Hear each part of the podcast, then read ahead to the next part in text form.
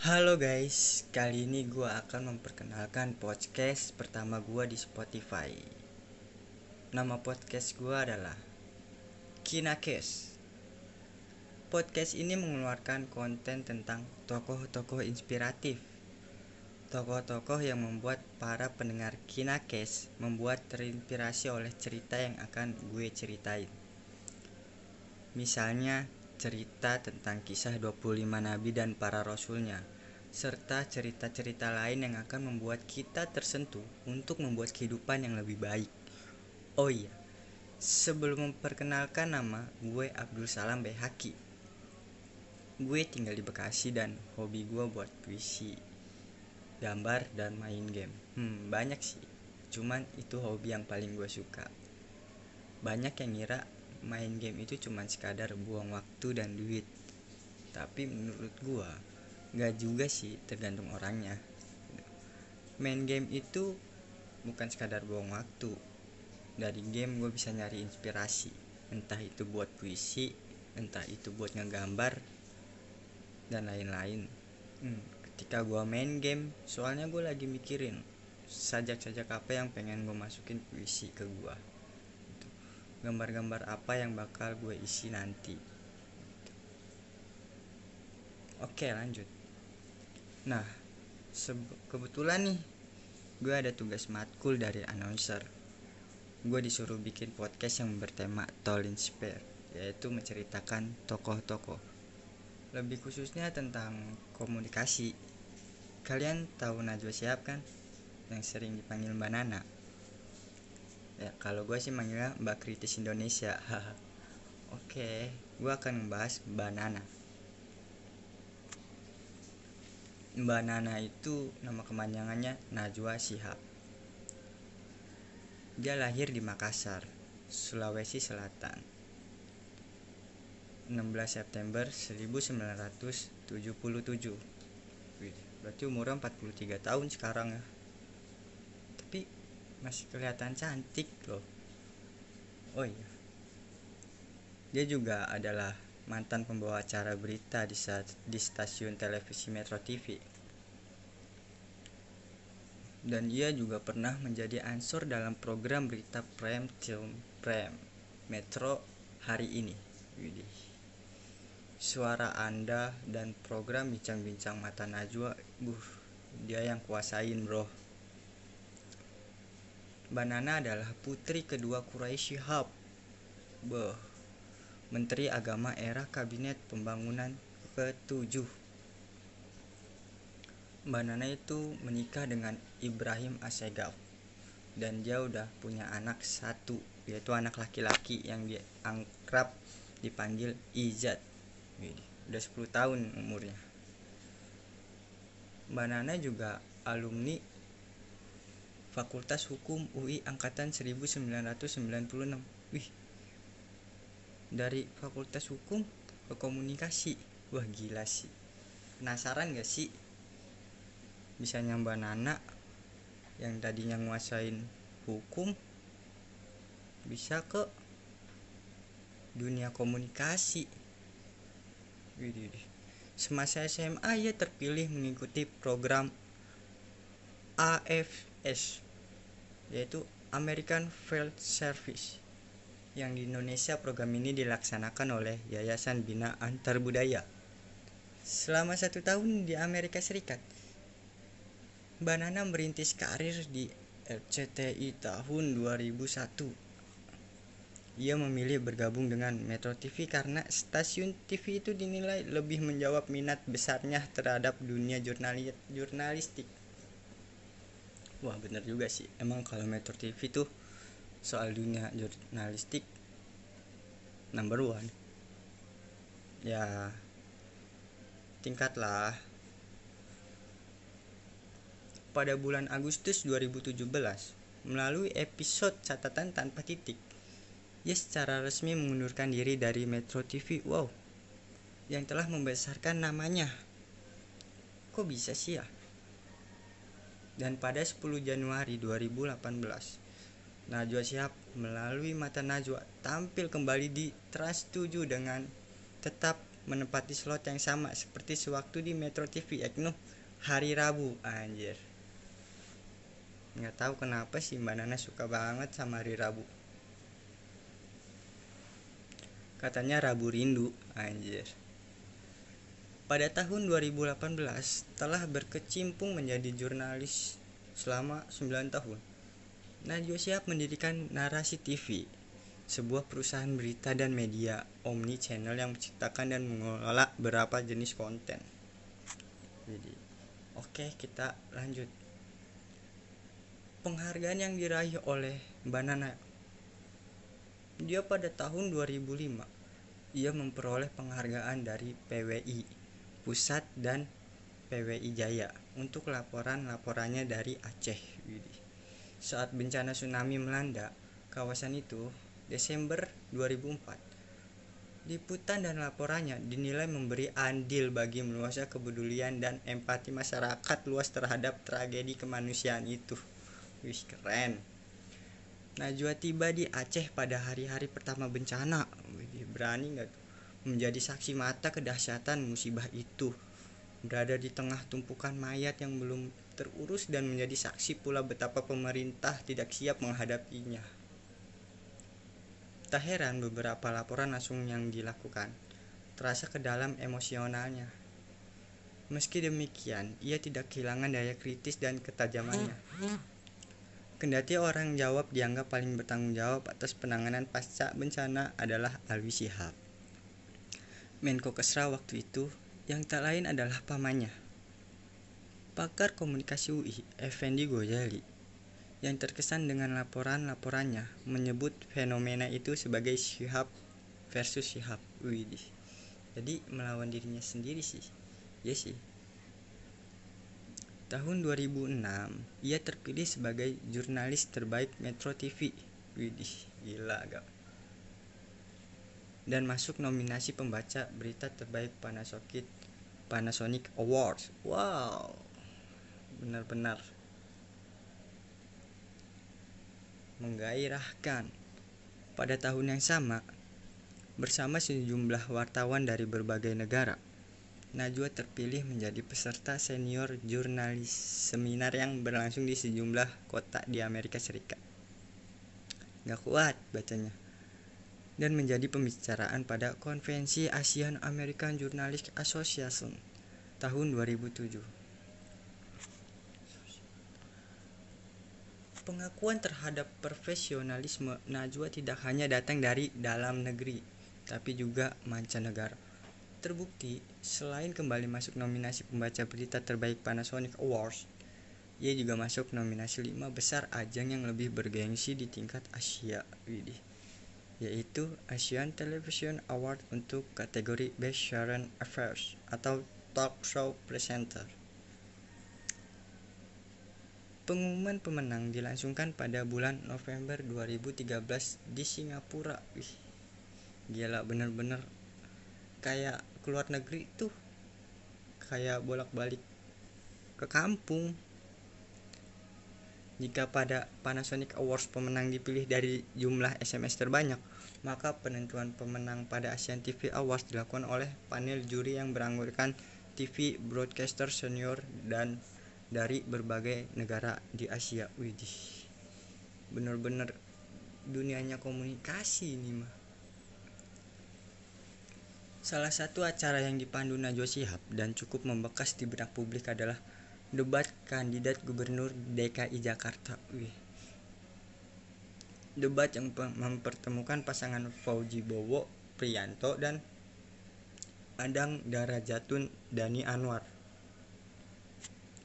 yang diselenggarakan oleh KPUD DKI Jakarta disiarkan secara langsung oleh Metro TV dan Jack TV. Najwa terpilih sebagai pemandu debat, menyisikan sejumlah pembawa acara yang diseleksi KPUD DKI Jakarta. Lantaran memutuskan untuk secara total terjun di dunia jurnalistik dan TV broadcast, Najwa terus-menerus berupaya memperkuat dan memperkaya wawasan keilmuannya pada awal 2008, ia terbang ke Australia sebagai peraih full score for Australian Leadership Award dan mendalami bidang hukum media. Pada tahun 2015, kembali Najwa Shihab masuk sebagai nominasi presenter berita terbaik Panasonic Awards. Walaupun pada akhirnya Putra Nababan yang diputuskan sebagai pemenang. Gila, banyak banget penghargaannya.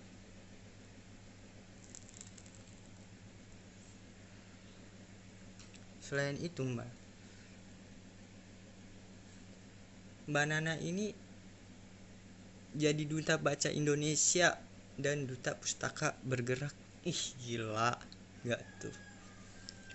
Najwa itu dia bisa membuat gerakan membaca. Itulah dunia Najwa Shihab saat ini. Mengampanyakan kecintaan pada buku, bicara tentang literasi, memiliki kepedulian pada tingkat membaca buku di kalangan anak muda. Ia terlibat dalam beberapa gerakan literasi. Hal ini diakui sebagai sebuah tantangan besar karena ia dipercaya mengemban para sebagai duta baca Indonesia. Najwa Shihab ditunjuk sebagai duta baca Indonesia pada tahun pada periode 2016-2020 oleh Perpustakaan Nasional Republik Indonesia dengan tugas utama menyebarkan minat baca ke penjuru negeri. Selain Duta Baca Indonesia, Najwa juga menjadi Duta Pustaka Bergerak yaitu jaringan literasi yang mendedikasikan untuk membangun perpustakaan bergerak dari satu wilayah ke wilayah lain. Dalam program tersebut, ada pihak-pihak yang menyebarkan buku memakai kuda, pedati, perahu, Vespa, dan sebagainya. Tugas Najwa adalah membangun kepedulian terhadap buku dan gerakan membaca, menyebarkan bahan bacaan-bacaan ke berbagai penjuru negeri dalam upaya meningkatkan minat baca di Indonesia.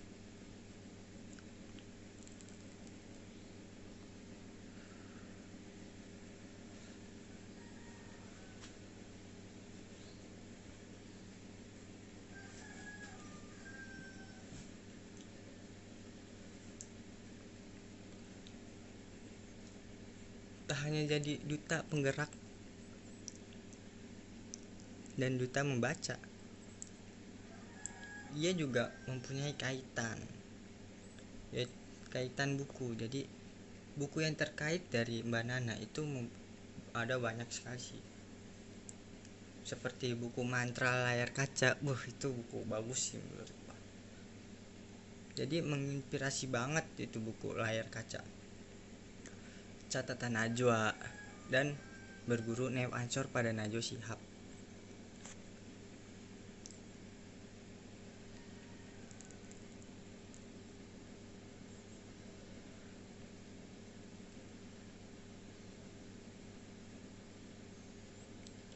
Selain itu selain buku nih Mbak Nana juga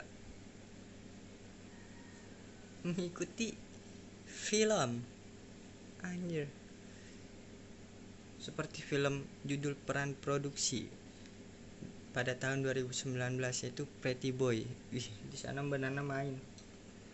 Ada yang tahu nggak sih Mbak Nana itu main apa di sana? Jangan-jangan jadi wartawan.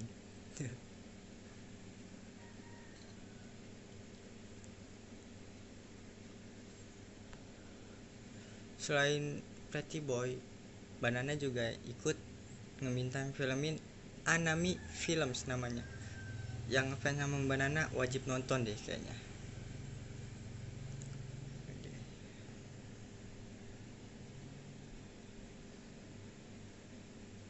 Oke ya.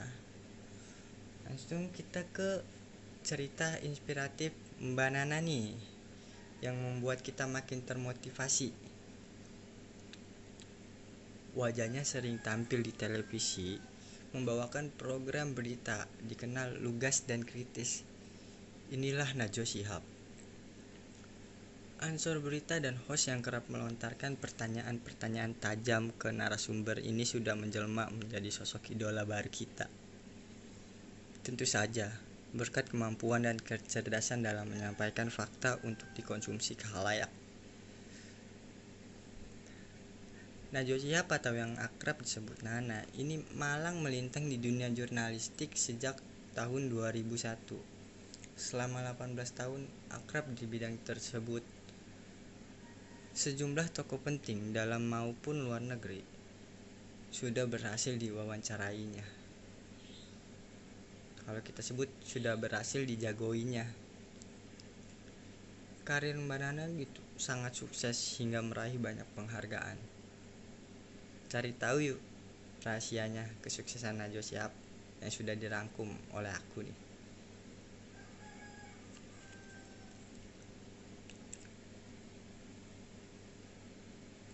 Mengapa Mbak Nana bisa sukses gitu? Padahal jurusan kuliah tidak selalu sejalan dengan pekerjaan yang bakal kita geluti nih. Misalkan kita ngambil komunikasi.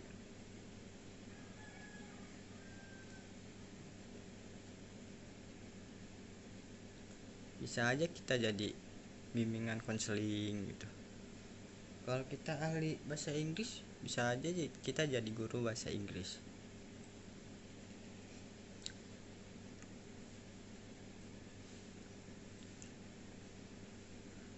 Hal itu juga terjadi pada Najwa Shihab putri pasangan ulama terkemuka Quraisy Syahab. Asyegaf itu memiliki karir sebagai seorang jurnalis dan dibanding terjun ke dunia hukum. Padahal Mbak Nana kuliah di Fakultas Hukum, tapi masuknya bekerja di dunia jurnalis. Dia juga sempat berkarir di RCTI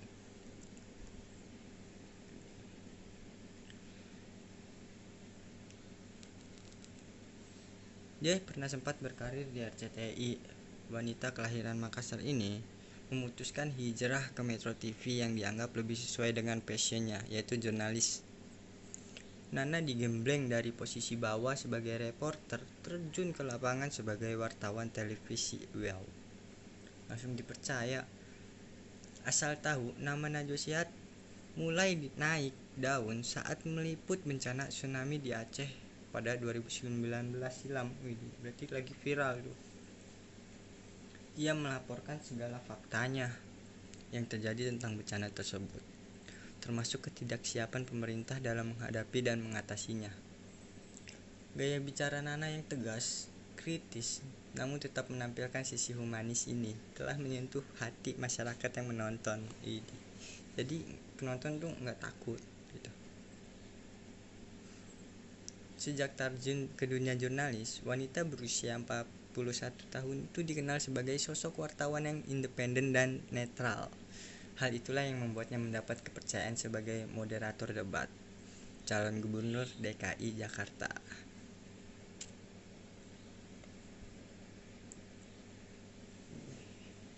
Karir Nana tuh semakin cemerlang di stasiun TV milik pengusahaan sekaligus politikus Surya Paloh itu ia dipercaya memandu sebuah program bernama Mata Najwa. Tokoh-tokoh penting pernah menjadi narasumbernya. Sebut saja Joko Widodo, Megawati Soekarno Putih, SBY, B.J. Habibie, dan masih banyak lainnya.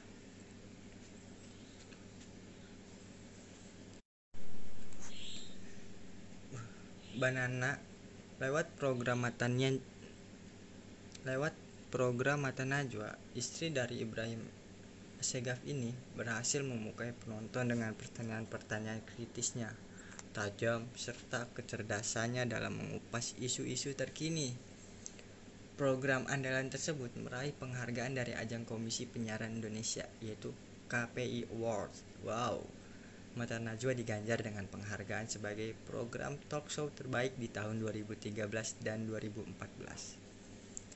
Mata Najwa kembali menyambut penghargaan program televisi talk show berita terbaik dari KPI Awards pada tahun 2018. Tidak sampai di situ, dari program ini ia lahirkan buku catatan Najwa. Wow, pada tahun 2016. Buku ini merupakan refleksi Nana atas berbagai isu yang dibahas di program Mata Najwa. Berkat kerja keras dan totalitasnya di dunia jurnalis dan penyiaran televisi, karir Nana melesat dari reporter ansor, hostgram, asisten produser, hingga didapuk menjadi wakil pemimpin redaksi, yaitu mendirikan narasi TV. Wow, banget gila gak sih? Benar-benar sangat menginspirasi nih.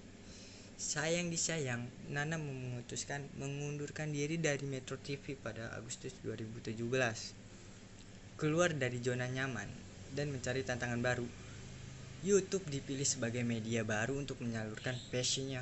Alasannya karena dirinya harus bisa mengikuti perkembangan teknologi untuk menyuguhkan konten-konten positif dan berkualitas. Ya, sekarang kan banyak konten-konten yang menurutku kualitasnya tuh sedikit. Cuma anehnya banyak yang nonton gitu coba aja deh. Kayak misalkan konten-konten yang cuman ngeliatin orang makan gitu yang berbedanya itu sedikit gitu. Kalau tentang narasi kan kita menambahkan ilmu pengetahuan gitu. Kalau tadi nonton nonton orang makan gitu cuma nambah mood kita buat makan ya habis makan dia udah hilang lagi gitu. Besok bisa hilang lagi moodnya juga gitu nonton lagi. Kalau ilmu itu tuh kayak sumur hidup kita nggak sih gitu? Pegangan kita gitu kalau ilmu gitu. Penonton akan diajak menyaksikan program-program perbincangan dalam kontennya seperti reportase kemasan dokumenter opini dan ruang interaksi Narasi TV adalah sebuah perusahaan berita dan media omni-channel. Tentu saja ini merupakan pengalaman baru bagi ibu dari Ijat Asegaf Si Ijat itu bakal bangga ketika sudah besar mengetahui ibunya sehebat ini. Maklum saja, Nana lebih berkutat pada industri penyiaran televisi sedangkan bisnisnya saat ini bermain di platform media sosial seperti YouTube, Instagram, dan lainnya, Twitter. Hal ini menjadi kesempatan baik untuk seorang Najwa Shihab belajar. Berkarir selama 18 tahun di dunia jurnalis dan penyiaran televisi mencatatkan banyak perhanggaan bagi Widih debutnya di dunia jurnalis sebagai porter televisi yang populer ketika meliputi dahsyat bencana tsunami. Aceh membuahkan penghargaan pertama dari Persatuan Wartawan Indonesia yang biasa disingkat PWI dan PWI Jakarta itu PWI Jaya pada tahun 2005 berarti setelah setahun kemudian ya?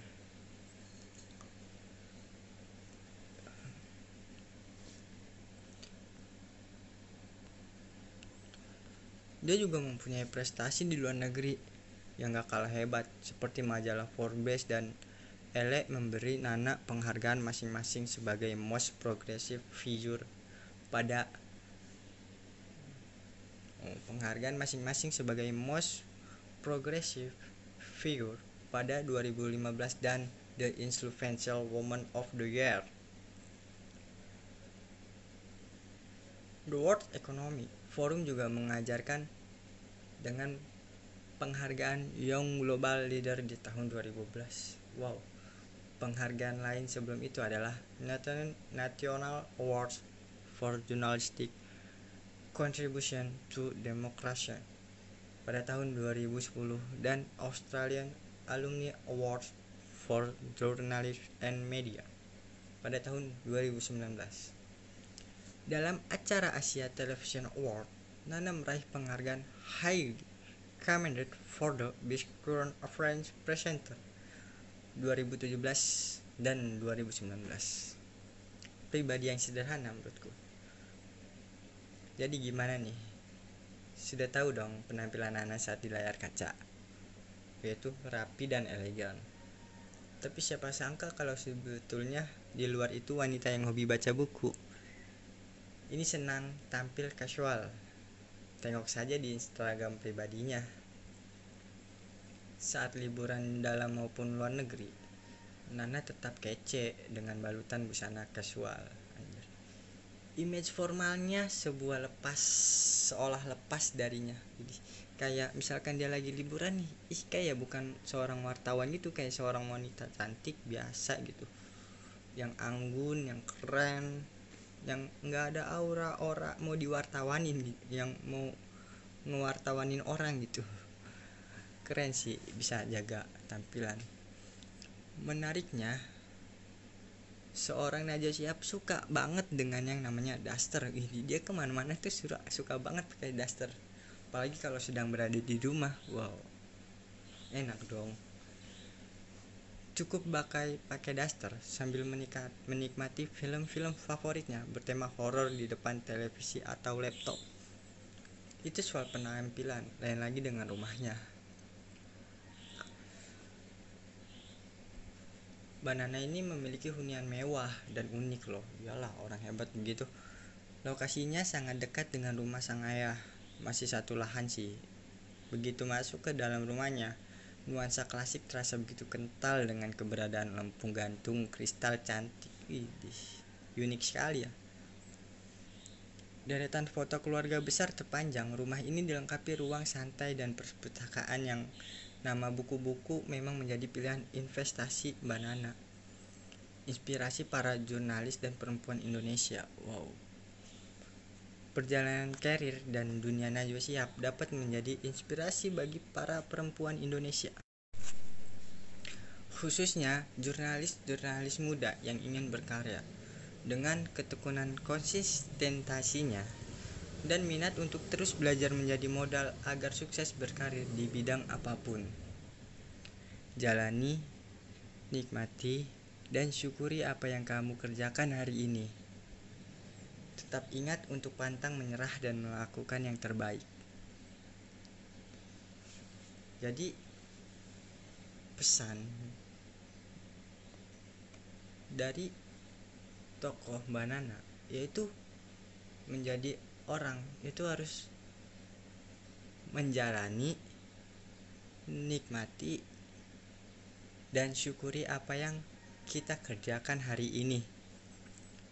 Tetap ingat untuk pantak menyerah dan melakukan yang terbaik. Tetap ingat untuk pantang menyerah dan melakukan yang terbaik. Ide.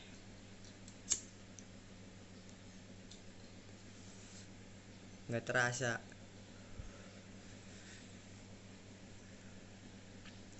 Ternyata waktunya hampir habis. Sebenarnya pengen banget sih cerita lagi tentang toko-toko inspiratif. Aku juga pas baca-baca kayak gini ngomong-ngomong gini gua tuh jadi lebih terinspirasi banget gak sih gitu soalnya siapa sih yang nggak mau hidup enak gitu? Menjadi orang terkenal. Menjadi orang hebat jadi seperti Mbak Nana ini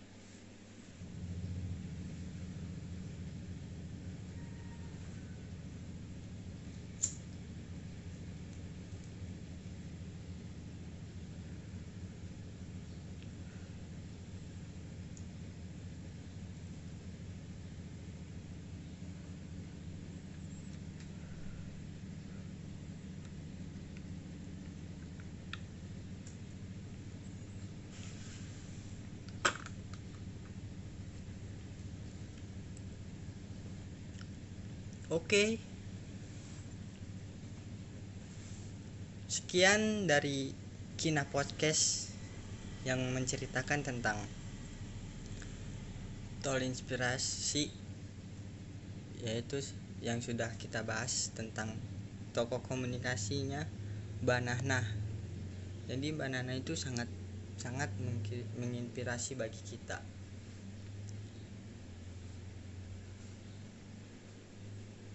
Next. Kita bakal bahas-bahas lagi. Bakal berbincang lagi. Jangan bosan buat dengerin suara gua yang unik ini.